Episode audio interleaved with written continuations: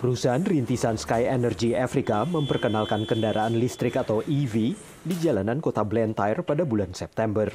Pendiri dan direktur pengelola perusahaan ini, Shiso Thompson, mengatakan kendaraan listrik akan membantu para pengemudi kendaraan bermotor di Malawi menghemat biaya yang biasanya dipakai untuk bahan bakar dan perawatan. Uh, EVs uh, does not have internal combustion engine. It means no oil, no plugs, no filters to be regularly changed. So these maintenance costs uh, add up to a certain amount. So by cutting those, you are saving. Kendaraan listrik ini mulai bermunculan di jalanan kota terbesar kedua di Malawi ini. Menurut Thompson, permintaan akan mobil listrik melampaui perkiraan.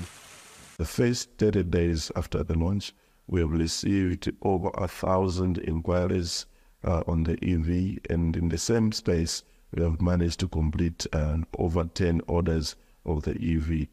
This means uh, a positive development and a fertile environment for the EV's um, business model.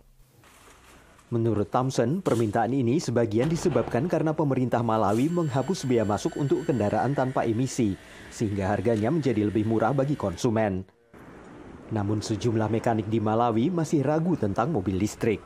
We have welcomed those cars, but not 100% fully. Uh, there is a lot of challenges which we can face concerning these uh, electric motor vehicles. Uh, for instance, like uh, how are we going to service these cars? Because we need to be trained as well. Namun Thompson mengatakan kendaraan listrik lebih mudah diservis oleh para mekanik yang biasa menangani perawatan rutin, seperti mengganti kampas rem, ban, dan peredam kejut.